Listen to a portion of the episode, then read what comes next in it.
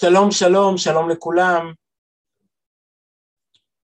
ידוע הביטוי של הרבי הרש"ב, שהוא אמר לפני הסתלקותו, איך גיין הימל ונדקסוב אם לא זיכייך. אני עולה לשמיים, הוא אמר על עצמו, אבל את הכתבים אני משאיר לכם. או במנגינה אחרת, אבל את הכתבים אני משאיר לכם. אני אמנם לא אהיה, אבל אני משאיר לכם את הכתבים שזה כאילו אני נמצא. לימד כאן הרבי יסוד שבזמנו לא הבנו עד כמה הוא חשוב, אבל הוא כל כך משמעותי לתקופה הזו המיוחדת שבה אנחנו נמצאים בימים ובשנים האלו, בשלב, בזמן, שאין לנו את המפגש הפיזי עם הרבה, במקום זה יש את הכתבים. זאת אומרת, יש שתי דרכים להתקשר עם הרבה, שתי דרכים להיות קשורים בעומק הנפש איתו, להיפגש איתו, להיות נוכחים איתו, להיות קרובים אליו, לראות אותו, לשמוע אותו דרך החושים, ודרך שנייה, דרך הלימוד בכתבים שלו. והשאלה היא למה? מה היתרון של לימוד על פני כל דרך אחרת של התקשרות עם הרבה? הרב רש"ב היה יכול לומר על עצמו שהוא עולה לשמיים, אבל אני משאיר לכם את מנהגי חב"ד. אני משאיר לכם את המבנה של ישיבת תומכי תמימים שיסדתי. אני משאיר לכם את המוסדות. הרי הרבי ייסד הרבה הרבה, כמה וכמה פעולות בעולם, שכל אחת מהן מייצגת אותו ומסמלת אותו. למה דווקא הכתבים, הספרים, זאת הדרך העמוקה ביותר, האישית ביותר, הקרובה ביותר, הנוכחת ביותר, כדי להיות קשור איתו בזמן הזה של אחרי הסתלקותו. בואו נשאל עוד שאלה. מתחום אחר לגמרי, אבל שאלה שהיא מאוד מאוד חשובה בחיים היהודיים ובחינוך היהודי. החלום של כל אחד מאיתנו, החלום העמוק ביותר, זה לגדל ילד יהודי. זה להתגבר על כל הקשיים בחינוך, ולגדל ילד כזה שגם כי יזקין לא יסור ממנה. שגם כשהוא יתרחק מהבית ויגדל ויגור בפנימייה או יהיה במקומות אחרים, ויהיה ברשות עצמו, והוא כבר לא יפחד מההורים, לא תהיה אימת ההורים או אימת המלמד או אימת השוט עליו, הוא ימשיך ויגדל באותה הדרך. ואיך מחנכים? איך גורמים לילד להיות קשור למה שלימדנו אותו? יש כאן פלא עצום, לא שמים לב לזה, אבל זה פלא עצום בדרכי החינוך. זה אולי היסוד החשוב ביותר בדרכי החינוך היהודיים, שלא מספיק מדגישים אותו. אם נשאל אבא ואימא, איך מחנכים ילד? איך קושרים אותו לקיום המצוות שגם כשהוא יגדל לא, לא, לא, לא, יסור ממנה. התשובה תהיה מה השאלה, מה זאת אומרת? מרגילים אותו לקיום מצוות. אבא לוקח אותו איתו לבית הכנסת, לענות אומני ישמרה בו. אבא מושיב אותו על ידו בקידוש. בגיל שלוש, אבא עושה לו חלקם, מלביש לו ציצית, מלביש לו ציצית, לוקח אותו לשופר, מושיב אותו על ידו בליל הסדר. חינוך אצל כולנו היום מהו? להרגיל לקיום מצוות. ללמד קיום מצוות, להטמיע קיום מצוות. וכאן יש פלא פלאות, שאין יסוד חשוב יותר ומהותי ביותר וקריטי ביותר בתחום החינוך. מדברי תורה זה בכלל לא החינוך. החינוך הוא משהו אחר לגמרי. מהתורה אין מצווה לחנך ילד לקיום מצוות. ידוע שחינוך מדי רבונון. מה, מהו מהתורה חינוך? ושיננתם לבניך ודיברת בם. מהתורה לא צריכים להרגיל ללבוש ציצית, אלא צריכים ללמד ילד על ציצית. אבא צריך לשבת עם ילד וללמוד איתו מהשולחנו ערוך הלכות ציצית, ואז ללמד אותו בדרש סיפור על ציצית, ולספר לו סיפור על למען תזכרו, ואיך הציצית פועלת להזכיר את המצוות, ולקשור אותו לרעיון של הציצית, שהציצית מזכירה, יש בה אה, בית חוטים, והיא מזכירה בצבע התכלת, מזכיר את השמיים, והיא מזכירה שהקדוש ברוך הוא מסתכל עלינו. מדברי תורה חינוך הוא ללמד. מדברי חכמים חינוך הוא להרגיל, להרגיל לקיום מצוות. אלו שני מיני חינוך אחרים. והפלא הגדול והעצום הוא שאנחנו כולנו התרגלנו לחינוך של קיום מצוות, החינוך מדרבנן. אבל רבים מאיתנו, אולי כולנו, שכחנו את החינוך האמיתי. שהחינוך מדברי תורה, החינוך העיקרי, חכמים באו להוסיף על דברי תורה, לא באו לעקור מדברי תורה, הם באו להוסיף גם את העניין של להרגיל ילד לקיום מצוות, לא להסתפק ברעיונאות, באידאות, בדיבור, במחשבה, אלא גם להרגיל אותו במעשה, להטמיע את זה כחלק מהחיים המעשיים שלו. אבל זה לא בא לדחות את דברי תורה, זה לא בא לבטל מצווה מדאורייתא שבשיננתם לבניך. הקדוש ברוך הוא, איך שהוא סידר בתורתו את החינוך, הוא מדבר בכלל על משהו אחר. חינוך זה לדבר עם ילד על מצווה ציציס. זה לאפשר לילד לשאול שאלה על ציציס. אבא, למה תחילס? למה לובון? איך מותר תחילס ולובון? וכשאבא מדבר איתו על ציציס, זה עיקר החינוך. מתי הוא יתחיל לקיים? אחרי הבר מצווה. למה? מה מונח כאן? מה המעלה בלדבר על תורה, בללמד תורה, בלחשוב תורה, בלדון תורה, יותר מאשר להרגיל בקיום המצוות, כמובן לא על חשבון, כי ברגע שיש מצווה דה רבנן, אז זאת המצווה. אבל אי אפשר להסתפק רק בלהרגיל למצוות. משהו מאוד מאוד חסר בחינוך שלנו.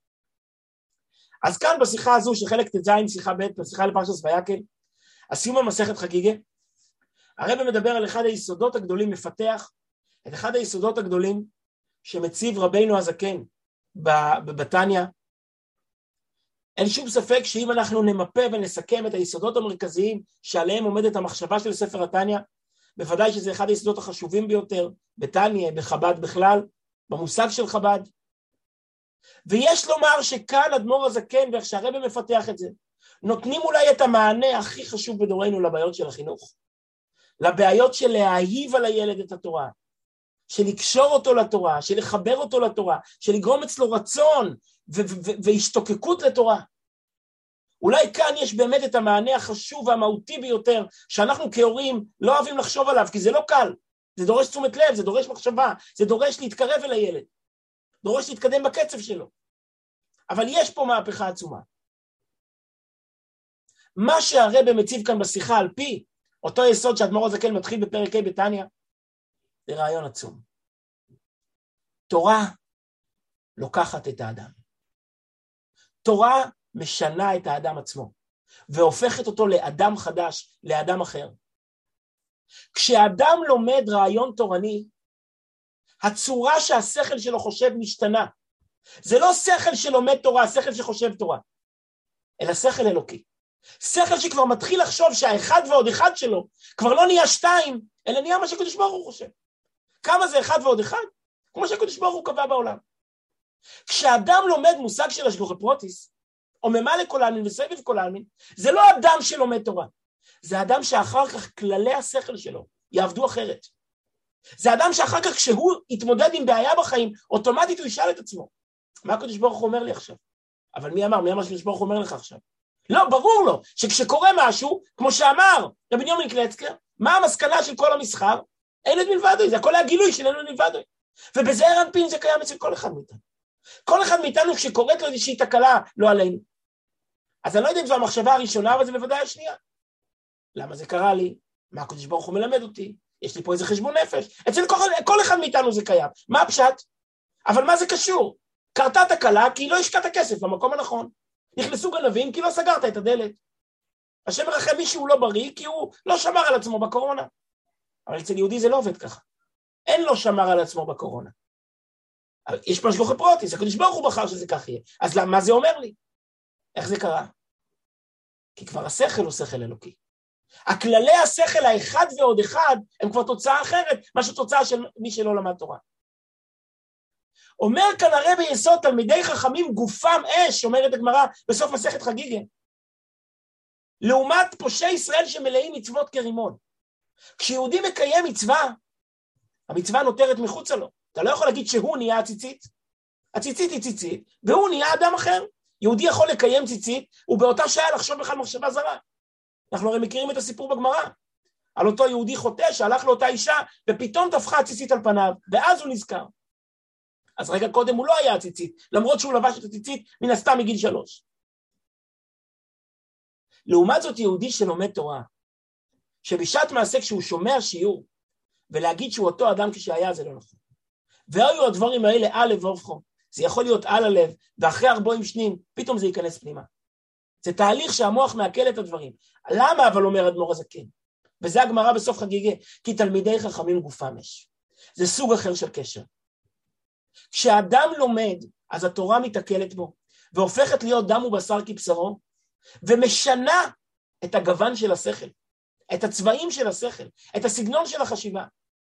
ואולי יש לומר, ומן הסתם אולי גם זה גם מבואר, שזה הפירוש, דקסור אם לא זכרייך. אומר, אומר הרב, אני נותן לכם את הדרך להמשיך להיות שלי, להמשיך להיות איתי. כי היות שרבה מכניס את עצמותו בתורה שלו, וכל מילה שהוא אומר משקפת את עומק, את עומק נפשו, אז כשחסיד לומד את אותם דברים, הוא ממשיך להיות עם הרבה. איפה חסיד חי? חסיד חי בשכל שלו, בחשיבה שלו, בגישה שלו לחיים. ובמילא זה גם מובן למה חינוך אמיתי הוא חינוך לתורה. כי חינוך לתורה מגדל, הטוירואיד, הטוירואינגל, מגדל ילד שהראש שלו חושב בצורה של תורה. הראש שלו חושב בצורה של אמונה, בצורה של ערך. קיום מצוות מחנך לביטול, מחנך, לז... מחנך להרכנת ראש, לקבל הסוהל, שזה עניין בפני עצמו. בשיחות על מצווה נדבר על מצווה. אבל כאן זה שיחה על תרא. תרא מגדל אדם שהוא יהודי של הקדוש ברוך הוא. שהקדוש ברוך הוא אצלו זה המובן הראשון והעולם זה המובן השני. במילא אומרת לך התורה עד כמה שלחנך לקיום מצוות זה דבר, דבר חשוב, אבל לימוד תורה מאהיב, לימוד תורה יוצר אידיאולוגים. לא רק עבדים, אלא חברים במפלגה, חברים בתנועה. יוצר אידיאולוגים. למה אידיאולוגים? כי השכל שלהם זה שכל של תורה. זה כבר לא נהיה תורה של הקדוש ברוך הוא, אלא הוא בתוירו סו יהגה, אם תוירו דילי. זה כבר הופכת להיות תורה שלו. אז עם כל האמביציה שלו, והרצון שלו, וה, והאהבה שלו, והתשוקה שלו, הכל מופנה לאן? לאינטרסים של הקדוש ברוך הוא. כי האינטרס של הקדוש ברוך הוא הפך להיות האינטרס שלו, והאינטרס שלו הופך להיות האינטרס של הקדוש ברוך הוא. אין דרך לדלג בחינוך על לימוד, ועל להעיב לימוד, ועל לקשור בחור ללימוד. כי זה כבר נהיה הדם ובשר, זה נהיה הדם שלו, והבשר שלו, והחשיבה שלו, וההלך רוח שלו, והתשוקה שלו, והדחף שלו, והאמביציה שלו. הכל זה נהיה הוא, הכל זה נהיה התורה של הקדוש ברוך. אני רוצה להביא דוגמה קטנה. ראיתי פעם בחיים שלי, אני לפני, uh, כמה זה היה, היה אלול, ע"א, בפועל זה היה כיסלב, ע"ב, בדיוק עכשיו בעצם עשר שנים. התחלתי פה ללכת לאיזשהו בית כנסת בראשון, להתפלל שם, בית כנסת כללי, אבל לא משנה. התחלתי להתפלל שם. מיד שהגעתי, אולי הגבאים חשדו בי שבא חבדניק, יש לו פה איזשהם כוונות. אז אמרו לי, מאוד מכבדים אותי, נתנו לי מפעם לפעם לדבר, אבל אמרו לי, פה אף פעם לא היה רב, ואף פעם לא יהיה רב, ואין לנו תקן לזה, ובסדר, יהיה לך אשר לך, אבל רבנים אנחנו לא צריכים פה. וכך חלפה שנה וחצי שהתפללתי שם, מסרתי שיעורים, והכל כמובן עשיתי באמת בלי שום כוונות רעות, לא, לא חשבתי לא להשתלט ולא שום דבר. שמחתי שיש לי מקום שאני יכול לפחות בשבת להיות שליח, ויכול לומר uh, דבר תרא ולומר וורט חסידס, וקצת להשפיע, ופעם לגשת חזן, וקצת להכניס שמחה בבית הכנסת. יותר מזה לא ביקשתי. אחרי שנה וחצי, uh, נסעתי לג' תמוז, טוב שנ"ג, חזרתי חזרה, עכשיו בשדה התעופה, ליד המזוודות, אני פותח את הטלפון, אני רואה איזה עשר שיחות שלא נענו מהגבאי, עוד היה ימים שלפני הוואטסאפ, ימים שכשנסעו לחוץ לארץ ניתקו את הטלפון, לקחו טלפון אחר לשם. ואני פותח את הטלפון אחרי שהשבוע שהיה מנותק, איזה עשר שיחות שלא נענו מהגבאי, חוזר עליו, מוישה, מה נשמע, מה קרה? הוא אומר לי, אל תשאל, אתמול הייתה, לא, מה, מזל טוב, הוא אומר לי, מזל טוב, מזל טוב, על מה מזל טוב? אתמול הייתה אספה השנתית של העמותה לאישור המאזן, ובחרו בך לרב בית הכנסת. לא ידעתי שצריכה להיות אספה, לא הייתי חבר עמותה, עד היום הזה אינני חבר עמותה בבית הכנסת. אין לי מושג מה קורה עם העמותה, מה קורה עם הכספים. מה, מה, מה, למה החליטו לבחור אותי לרב? מה קרה? מה, מי, מי נושף בעורפכם? מי לוחץ אתכם? אז הוא אמר לי מה היה הסיבה שהוא חשב שזה דבר נכון למען בית הכנסת? ואז אני ככה מגיע השאלה הכי פיקנטית, אני שואל אותו, מוישה, כשהעליתם את זה באספת עמותה כולם היו בעד? אז הוא אומר לי, נדמה לי שלוש או ארבע היו בעד, ואחד אמר שהוא לא רוצה להיות נגד כולם, הוא לא רוצה להשתתף בהצבעה. אני שואל אותו, מי היו השלוש ארבע שבעד? ואז הוא אומר לי משפט שהדהים אותי. השלוש ארבע האלה שהיו בעד, זה אנשים שהיו באים כל יום חמישי לשיעור שמסרתי בבית הכנסת. זה שלא היה בעד, הוא לא בא לשיעור. ואז הבנתי, הדרך הכי טובה לקשור אליך בן אדם, זה ללמוד איתו. שכל שליח יעשה חשבון, כל רב יעשה חשבון, מי הידידים שלו בקהילה? מי האנשים האלה שמרגישים משפחה איתו? שכשהוא עושה שמחה הם באים ראשונים. זה לא שמחה שלו, זה שמחה שלהם, שהילדים שלו הם כמו ילדים שלהם. מי זה? יהודים שהוא לומד איתם. לא שהוא עזר להם בשלום בית, לא שהוא עזר להם בכסף, לא שהוא עזר להם בקשרים, לא שהוא חיבר בינם לבין אנשים אחרים. אולי טובות גדולות הוא עשה לאנשים אחרים יותר. אבל יהודי שלמד איתך, הוא לא נהיה שלך, הוא עצמו נהיה אתה. הוא עצמו חושב כמו שאתה חושב. אז במילא הוא מרגיש איתך תהום, הוא מרגיש חלק מהנפש שלך. כי אתה והוא אותו אדם. וזה מה שקורה בין יהודי לקדוש ברוך הוא. כשיהודי לומד תורה, הוא לא נהיה יהודי שלומד תורה, הוא נהיה תורה, אלוהיד. ואסתר, כמו שהרבי דיבר. מה זה, מה מלכי רבונון, כמו שהרבי מדבר תמיד. מה זה מלכי רבונון? יש פה יהודים שהם אלוקות בגוף גשמי. כל אחד כמובן לפי הרמה שלו, לפי, לפי שיעור הדיני. כי למה? כי האדם הוא השכל שלו. וברגע שאדם לומד תורה, השכל משתנה, כללי השכל. שכל זה איבר שלומד, זה איבר שמעכל לתוכו את הדברים בפנימיות. במילא אומרים חז"ל בסוף חגיגה, אוי שישראל הם מלאים מצוות כרימון. זה רק מזבח שמצופה זהב. אבל תלמידי חכום עם גוף המש. זה, זה, זה משהו אחר לגמרי, הם עצמם אלוקות, אז מה שייך שאש של גיהנום תשלוט בהם? הדם שלהם זה דם של סלמנדרה, זה דם ש, שאין, ש, שאש לא שולטת בו. לפי היסוד הזה, רב מבאר בליקוטיסיכס כמה וכמה נקודות מאוד מאוד מאוד מיוחדות, ונזכיר שתיים מהמיוחדות ביותר שביניהן. יש שיחה, נדמה לי בפרשת ניצובים בחלק ל"ד, שהרב מדבר על נקודה מיוחדת מאוד מאוד. כל ילד יהודי יודע מתי אברהם אבינו הכיר את בוראו. תצאו לחיידר, תשאלו, תצאו לתלמוד תורה, תשאלו מתי אברהם אבינו נהיה יהודי. כל ילד יענה בן שלוש. בן שלוש הכיר אברהם את בוראו, אני כמה פעמים ראיתי במירון, שיש אפילו כאלה שנוהגים, שהילד, החל... הילד של, הח... של, החל... של החלקה, עומד על הספסל ואומר את זה. צריך להגיד איזה פסוק תורה. לנו יש 12 פסוקים. אבל מה יעשה יהודי שאין לו 12 פסוקים? אמנם תירוציבו בשמע ישראל צריך ללמד עוד, עוד, לפני הברמיץ, עוד לפני התספורת, אבל אולי לא כל יהודי מכיר את ההלכה הזו בהלכות תלמוד תורה. אז, אז הילד עומד על הספסל, הילד החמוד עם הטלטלים, ואומר, בן שלוש הכיר אברהם את בורו. בא הרמב"ם בתחילת הלכות עבודת סככובים, ומטיל פצצה. הוא בן ארבעים הכיר את בורו, בן ארבעים. שואל שם הרייבד, למה אתה צריך לשנות? אם כל יהודי יודע, מכיר מדרש שבן שלוש הכיר את בורו, למה צריך לכתוב בן ארבעים? ובפרט שיש לזה רמז בדברי תורה. עקב אשר שמע אברהם בקולי וישמור מצוותיי חוקותיי ותורותיי. עקב קע"ב 172. אם אברהם שמע בקולי עקב 172 שנה, זאת אומרת ששלוש שנים הוא לא שמע.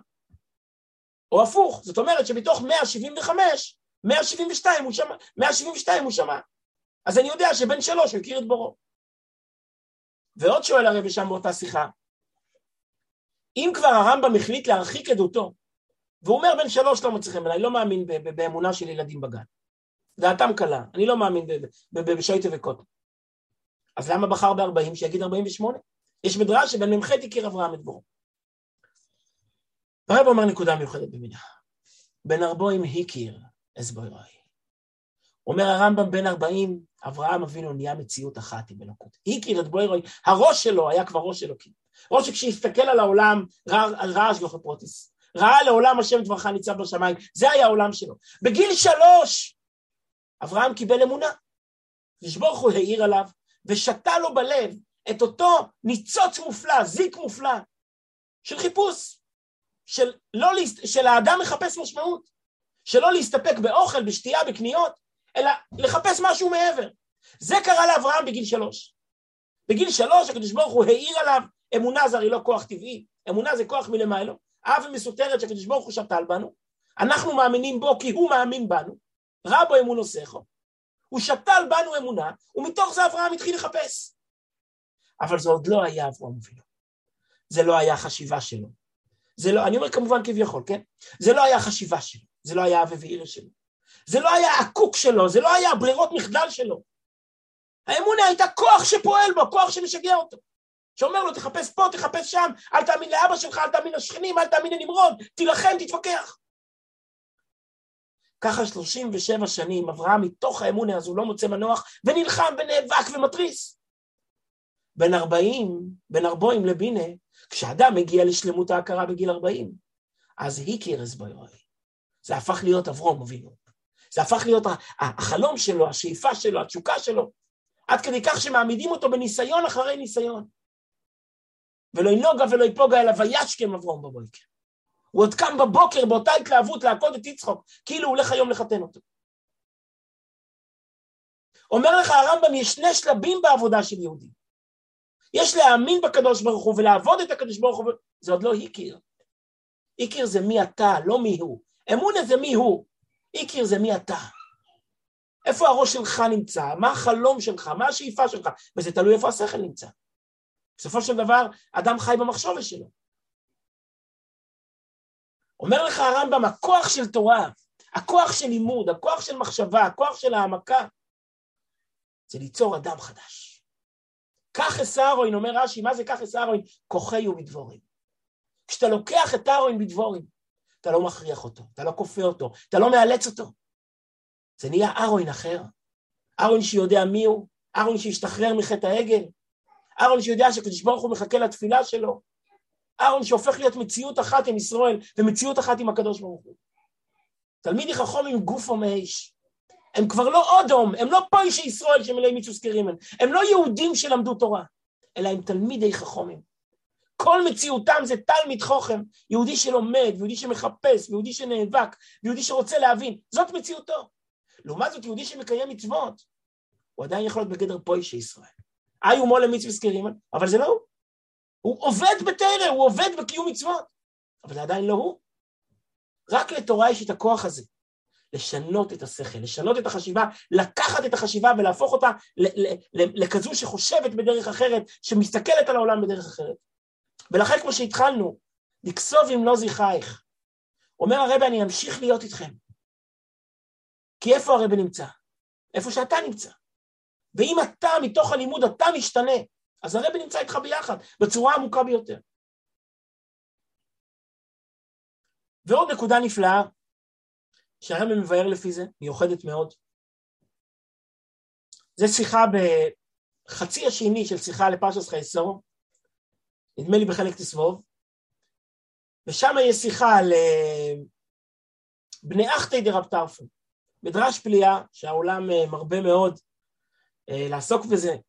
פעם ראיתי גם דרשה יפה מאוד של מאיר שפירא על המדרש פליאה הזה, ואם רוצים לראות מה ההבדל בין הגישה חסידית, למרות שגם מאיר שפירא היה חסיד, אבל בין הגישה אוהבת ישראל של הרבה לגישות אחרות, אז מאוד מעניין לעקוב איך שמאיר שפירא לומד את הגמרא הזו, ואיך שהרבה לומד את הגמרא הזו.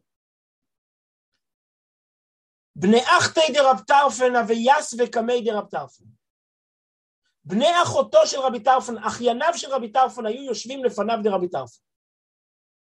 ולא יאמרו ולא מידה, ושתקו. הם היו עמי ארצות, בין אם עמי ארצות מכישרון או בין אם עמי ארצות מבחירה, ו... ו... ו... ולא אמרו כלום, מה הם יגידו לרבי טרפון? יספרו לו שמתחוללת מלחמה בין רוסיה לאוקראינה, זה לא מעניין אותו. מה יספרו לו? אז שתקו, לפחות היה להם שכל, לא, לא להפריע לו, אז שתקו. נו, אבל רב טרפון רצה כן לדבר, באו האחיינים, הוא רוצה לדבר איתם. אז הוא החליט לקחת פסוק, לשנות אותו, ומתוך השינוי הם התעוררו לתקן אותו ותתחיל שיחה.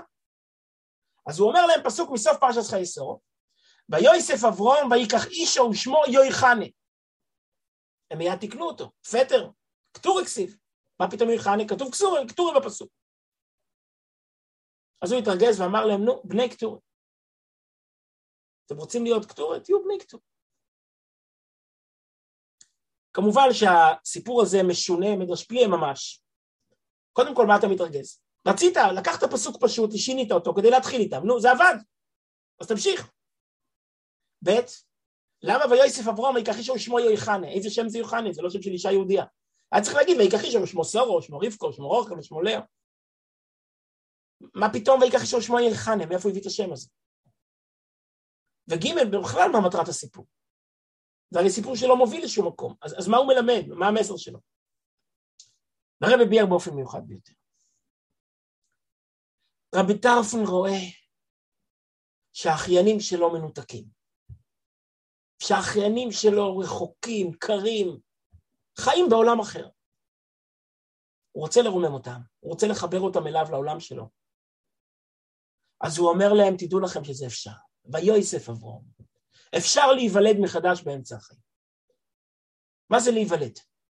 להיוולד זה להיות אדם עצמאי, להיות אדם שמאמין בעצמו, מאמין בכוחות שלו, הוא ברוך ניאס. אדם שחי למען מטרה, למען משמעות, שיודע מה העיקר בעולם. אז הוא אומר, ויוסף אברום, ויקח אישו.